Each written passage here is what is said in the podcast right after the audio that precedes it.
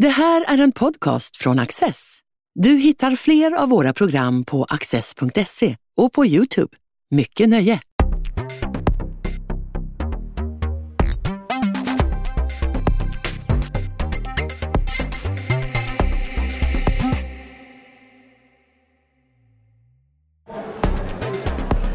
Lars Lönnroth skriver om hur det är att vara släkt med Erik Gustaf Geijer och berättar om att många upplevt det som en börda. Geijer var en gång en central del av vårt bildningsarv, högaktad och beundrad. Släkten är full av spännande personligheter, men många, särskilt kvinnorna, drabbades av psykisk sjukdom. Lars, hur känns det att vara släkt med Erik Gustaf Geijer? Ja, det har känts olika under olika perioder av mitt liv kan man väl säga. Mm.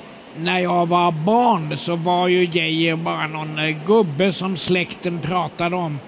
Och senare så hade jag väl ett ganska eh, distanserat förhållande till honom.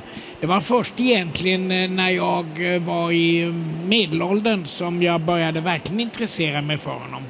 Och då beundrade jag honom kolossalt, framför allt som humanist. Jag har aldrig beundrat honom särskilt mycket som eh, poet. Ja, det finns ju några väldigt fina dikter från eh, slutet av hans liv, men de här paradnumren Vikingen och Odalbonden och de här har jag aldrig varit speciellt förtjust i.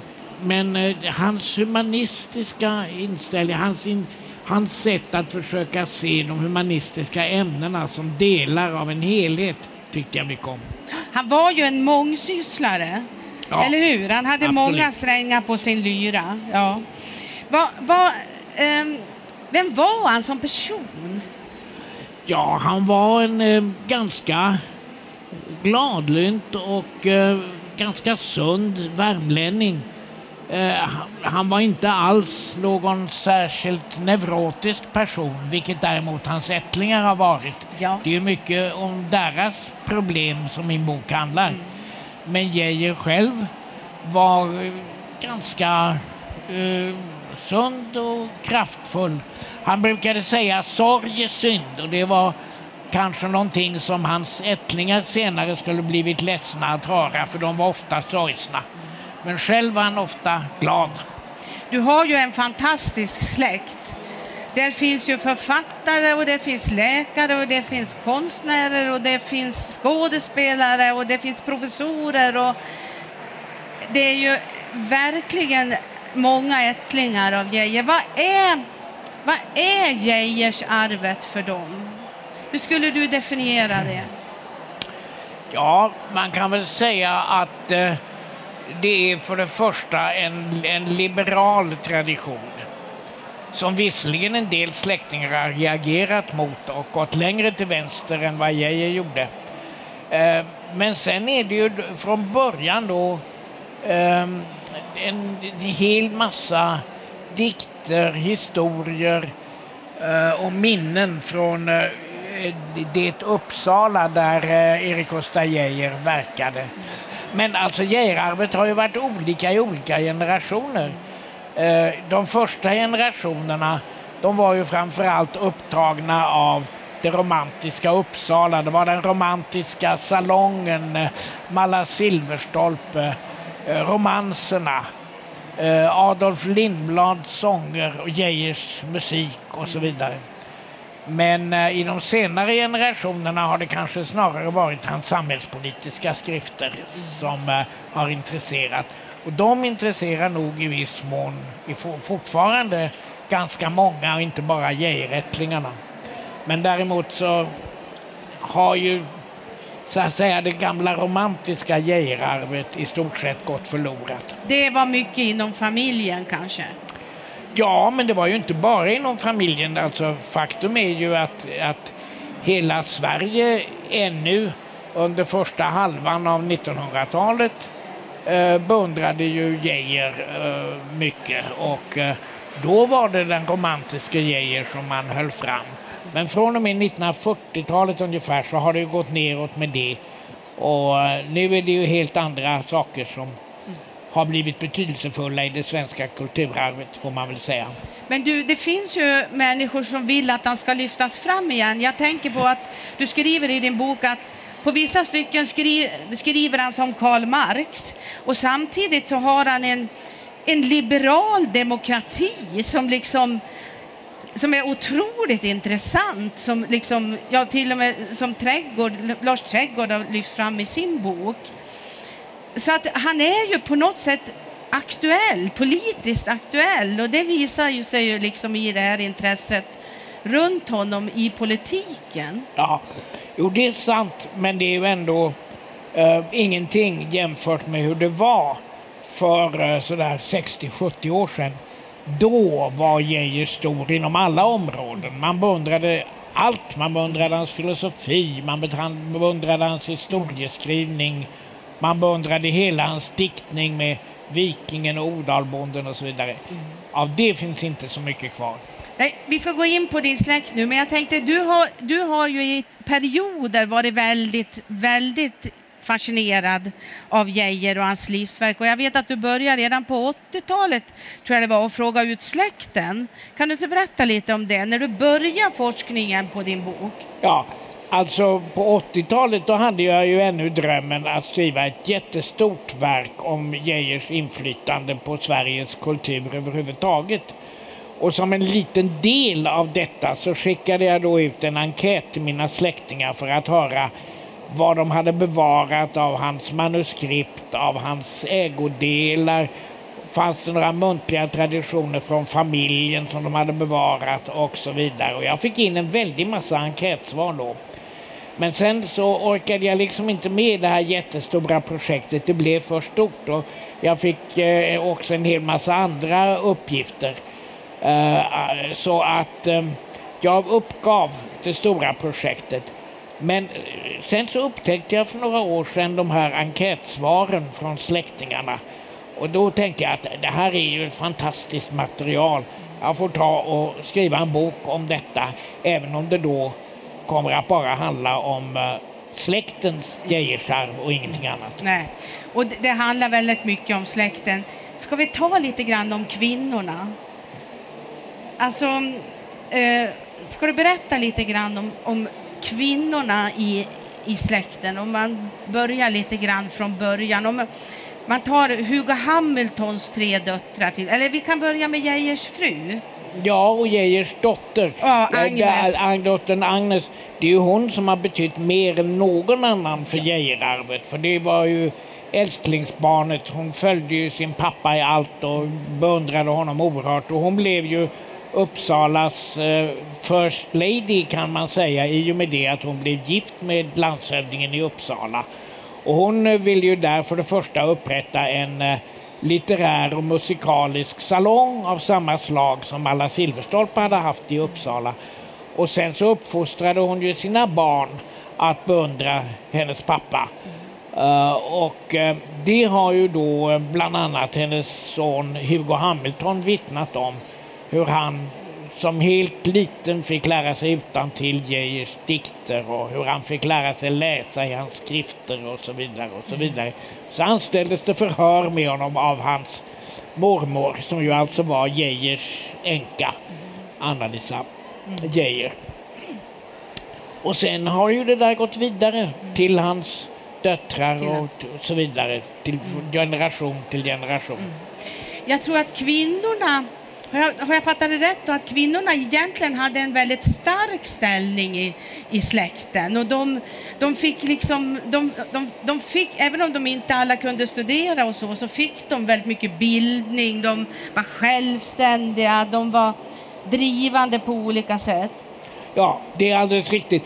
Och så var det ju redan på Geijers egen tid, i Geijers egen familj. Ja.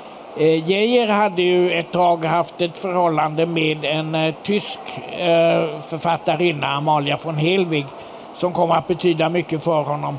Och eh, han eh, eh, kom ju att uppmuntra kvinnliga författare och kvinnliga konstnärer.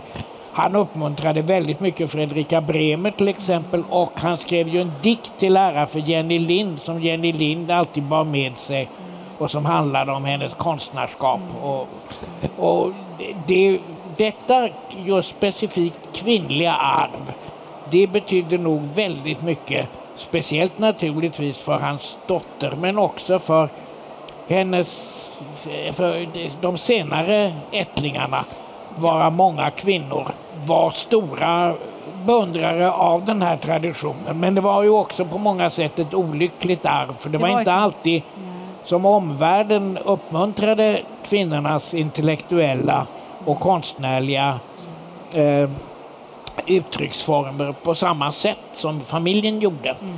Så att när kvinnorna gifte sig med eh, karriärinriktade män och förväntades sköta hushåll så gick det åt helskotta för många av dem och då bröt deras eh, neuroser ut och de blev svårt deprimerade och det var inte bra. Nej, alltså det, vi pratar om Hugo Hamiltons döttrar, eller ja. hur? Kan du inte berätta lite grann om Vivica till exempel? Ja, Vivica hon var ju den kanske den allra mest begåvade av, eh, av Hugo Hamiltons döttrar. Hon växte upp då på Högfors eh, och på residenset i Gävle där hennes pappa var landshövding. Och hon var den första i släkten som eh, fick studera vid universitetet. Hon var mycket begåvad där. Hon skulle bli litteraturforskare. Och eh, hon har ju lämnat efter sig en väldig massa skrifter, framförallt en dagbok som är full av litterärt spännande saker. Hon gifte sig Eh, med en eh, ung norrman som blev mycket berömd. Fredrik Påske hette han. Han var ju eh, kanske Norges främsta litteraturforskare vid den tiden. Han, Bull, på, Bull och Påskes litteraturhistoria är ju ännu ett sånt här stort litteraturhistoriskt standardverk i Norge. Och det verkade som om hon älskade honom mycket och tyckte att han var precis en sån här kulturpersonlighet som stamfader Geijer. Men bara några månader efter att de hade gift sig så får hon en våldsam depression, springer in i Trefaldighetskyrkan i Gävle med en pistol och skjuter sig själv i kyrkan. Det är ett fruktansvärt. Och då var hon ju alltså landshövdingens dotter. Kan ni tänka er landshövdingens dotter springer in i kyrkan eh, alldeles intill residenset i Gävle och skjuter sig. Det var ju förfärligt. Det var förfärligt för, naturligtvis för hela familjen och för, för eh, det också för den stackars Fredrik Påske som blev väldigt förtvivlad av det här. Och man vet fortfarande inte riktigt varför hon gjorde det här. Men, eh, men eh, att hon var svårt uh, sjuk helt enkelt. Hon skrev ju vid något tillfälle att, att jag är en ond människa. Ja. Och det är många som undrat vad det kan ha varit. Och det finns en teori om att hon var lesbisk i själva verket. Det kunde man ju inte vara vid den här tiden. Men det var ju absolut förbjudet. Nej, det var absolut förbjudet och det var ju också, hon var ju också strängt religiös så att hon det, det var definitivt fel att vara lesbisk. Mm. Um, men uh, jag, jag, är osäker på det, men det finns de som har menat det. Att det var det, det, detta som var främsta orsaken till att hon inte klarade av det här äktenskapet med, eh, med Fredrik Påske. Hon hade sagt att jag är en ond människa och det är lika bra att jag dör därför att om jag lever så kommer min ondska att bara för, fortplanta sig i släkten och så vidare. Mm. Sen var det en dotter till som gifte sig. Ja. Olof Lag Lagerkrans mamma. Min mormor, ja. ja. Ja, och det gick ju väldigt illa för henne också. Ja. hade ju då växt upp med alla dessa sånger och dikter och det här. Och de spelade teater och det var så mm. mycket roligt umgänge där på Högfors som mm. anordnades av Hugo Hamilton. Och sen gifte hon sig med min ganska stränga och tråkiga morfar som var mycket karriärinriktad.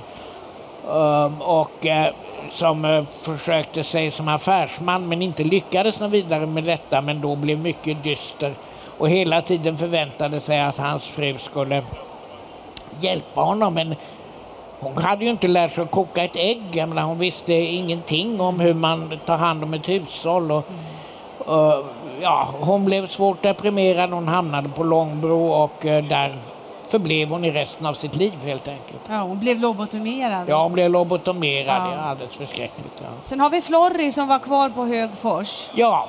Och hon gifte sig aldrig. Nej. Nej. Och Florry ansåg själv att det var för att hon inte hade gift sig som eh, hon eh, förblev frisk.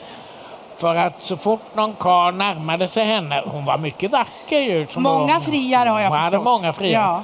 Men då svimmade alltid Florrie och hon vaknade inte upp förrän eh, friaren hade försvunnit. Då var hon mycket nöjd och belåten och sa att hon hade, ansåg att hon hade klarat sig bra. Och där hade hon ett väldigt bra liv. Och Hon, Ja.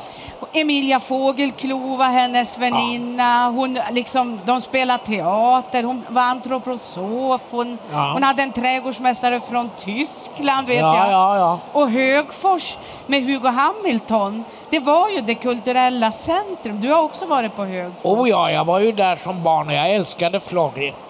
Och eh, eh, när jag var där så ordnade ju Florrie det alla möjliga lekar, levande charader och sånt där och också frågesport för alla släktens barn. Och eftersom jag då vann den där frågesporten så eh, skulle jag belönas med en liten klocka som kom från Geijers familj, en liten ringklocka med, eh, Ja. eh, med ett handtag i form av en tupp. Då fick jag gå ut och så ringde Florrie i klockan så här, ring, ring, ring. Och så sa hon kuckeliku med sin eh, frökenstämma. Och så när jag kom in så fick jag lyfta på klockan och då låg där två karameller. Och sen, sen fick jag denna klocka. Du fick den i arv. Jag borde haft med mig den här och ringt lite med den, men det finns en bild på den i min bok. Ja. Alla har blivit uppfostrade av tuppklockan, eller hur? Ja, inte alltså Hugo mina Hamilton egna, ja, också, min- ja. mina egna barn därför att jag fick ju ärva den så pass sent. Florrie levde till hög ålder. Hon dog inte förrän eh, ganska sent in på 70-talet. Mm. Så att eh, eh, då var mina barn redan vuxna. Så Mm. därför så Hugo och liksom hans fru, de var ju väldigt starka och dynamiska och kraftfulla föräldrar.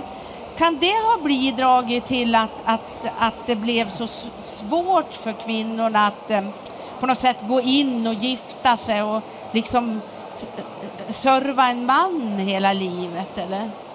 Jo, jag tror att det kan ha varit mycket detta, men sen tror jag ju också att eh, eh, det var något rent genetiskt som inte kom från Geijer själv. Men både Geijer och hans fru hade ju också psykisk ohälsa i släkten, eller hur? Jo, inte Geijer själv, men hans systerson Uno Truili, Ja. som ju var en framstående konstnär, han eh, var helt klart manodepressiv. Och det var också Anna-Lisa, hans Ja. fru. Så att på det viset så kom det nog ett dubbelt arv till eh, Ja. släktingarna där. Och det var, eh, det, det var väldigt många som drabbades av Ja. det, inte bara kvinnorna, det är också flera män. Mm. Och eh, det är ju fortfarande en del som lidit av det. Min kusin David Lagerkrantz till exempel, han har ju, som han själv har berättat i flera sammanhang, Ja. Ehm, lidit av denna sjuka. Ja, och Adolf, eh, alltså Ja, ja, ja. son Ja. också. Men du, sen är det några som har gjort lite uppror också. Jag tänker på Agnes von Krusenstjerna och Ja. hennes fattigadel som verkligen handlar om släkten. Ja, Ag- Agnes von Krusenstjerna växte ju upp eh, uppfostrad av en mamma som var en av Agnes Geijer Hamiltons döttrar. Eva Hamilton, gift Krusenstjerna. Och hon fick ju lära sig att beundra Geijer alldeles kolossalt och det gjorde hon också. I sin dagbok skriver hon att åh, jag vill bli som den store Erik Gustaf Geijer, jag vill bli lika berömd som författare och sådär. Men sen så småningom så reagerade hon mot hela det här släktarvet. Och eh, det var ju då som hon blev en riktigt betydande författare genom att skriva elakt om släkten. Den här eh, romanen Fattigadel som hon skrev, Eh, som är hennes sista stora romanserie, den, eh, det är ju en nyckelroman som handlar om släkten. Ehm, och Geijerarvet spelar en stor roll i den boken fast det, inte, det talas inte om Geijer utan det talas om att det är en, eh, en stor diktare som man, man alltid talar om i släkten. Men hon skildrar ju släkten där på ett sådant sätt att hon blev alldeles utfrusen. Ännu när jag var barn så kunde man inte tala med Florrie till exempel om Magnus von Krusenstjerna för Florrie ansåg att Agnes hade varit eh, fullständigt hutlös i sina... De blev jättearga. De blev jättearga Ja. allihopa, ja. Men nu är det andra tona, toner, eller hur? Nu Ja, ja, nu, nu så läser man ju med stort intresse eh, fattigadel. Och eh, man får väl säga att eh, trots allt så kanske Agnes von Krusenstjerna är den som har förvaltat Geijerarvet bäst rent litterärt. Även om hon eh, ju samtidigt reagerade mot det. Eh, Olof Lagerkrans, han skrev ju också i, sin, i min första krets, eller hur? Ja. Han var också ganska... Han var också i hög grad uppfostrad med ja. Geijerarvet. Ja, Och eh, eh, var, när han var helt ung så var han ju sådär okritiskt beundrande inför Geijer eh, och Geijerarvet. Men efter att han blev radikalare på äldre dagar så eh, reagerade han ju också mot det här arvet som hade förvaltats av Flori och andra i släkten. Eh, så han talade då om att eh, eh, i släkten så var det då en eh, romantiserad bild av Geijer som förvaltades.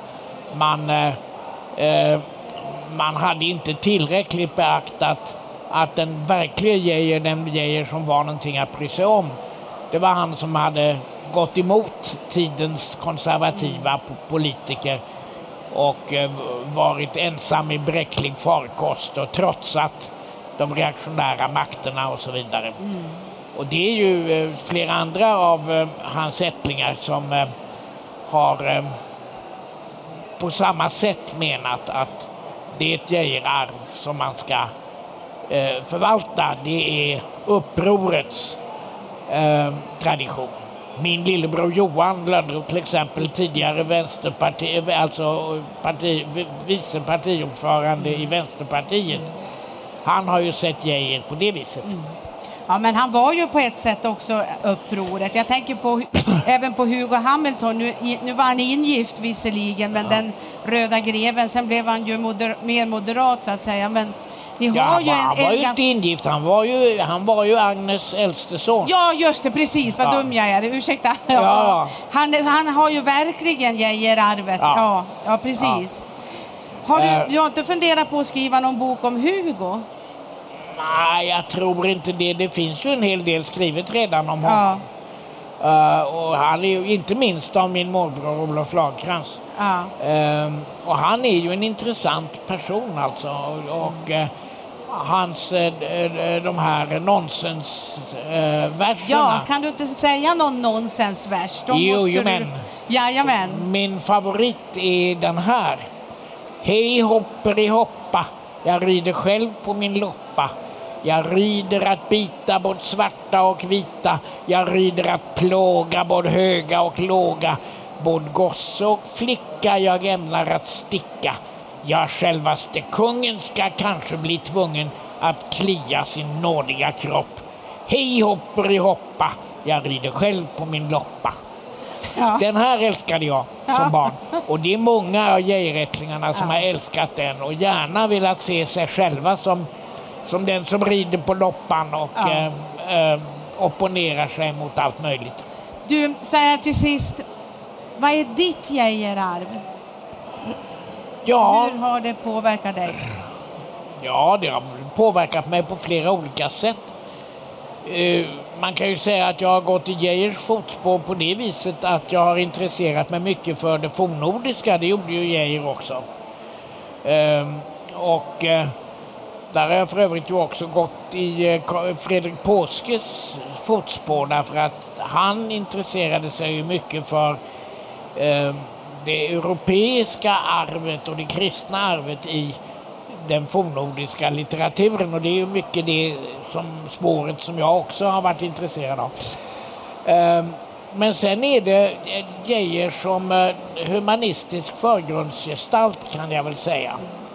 Eh, som jag har beundrat särskilt.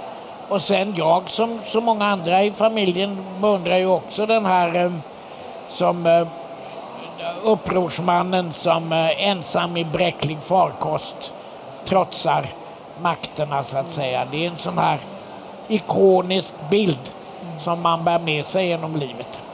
Vad säger du till dina barnbarn när du pratar om släkten? Ja, det värsta är ju att de är inte så rasande intresserade. När jag försöker berätta om det här så, så vill de gärna prata om annat. Nej, man får nog eh, erkänna att, att även om de tyckte det var trevligt ibland att få karameller eh, med hjälp av tuppklockan så är inte Geijer någon som de bryr sig om längre.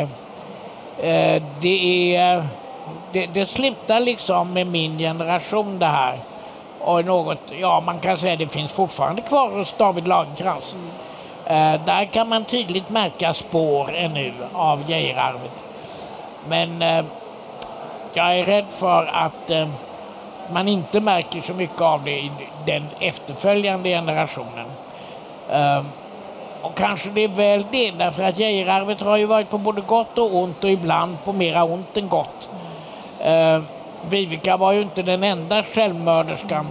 Tyvärr så är det vimlar av dem alltså. Eh, och eh, det har absolut något att göra med den här bipolära sjukdomen men det har också mycket att göra med eh, framförallt kvinnornas situation, alltså kvinnornas oförmåga att reda. Mamma var ju en av de svårast ja. drabbade och eh, hon var ju, det var ju så också i hennes fall, hon var väldigt litterärt begåvad och skrev mycket dikter och så små. Men hon, hon eh, klarade inte det här att eh, vara gift och eh, sköta ett hushåll och sådär. Jag kommer ihåg mamma berättade en gång att hon till lysningspresent hade fått en dammsugare.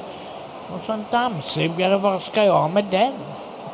Hon hade liksom inte riktigt fattat. Det var en att... lysande fråga ja. tycker jag. ja. ja. Tusen tack. tack. tack. Du har just lyssnat på en podcast från Access. Du vet väl att vi också är en tv-kanal och tidning? Teckna en prenumeration idag på access.se.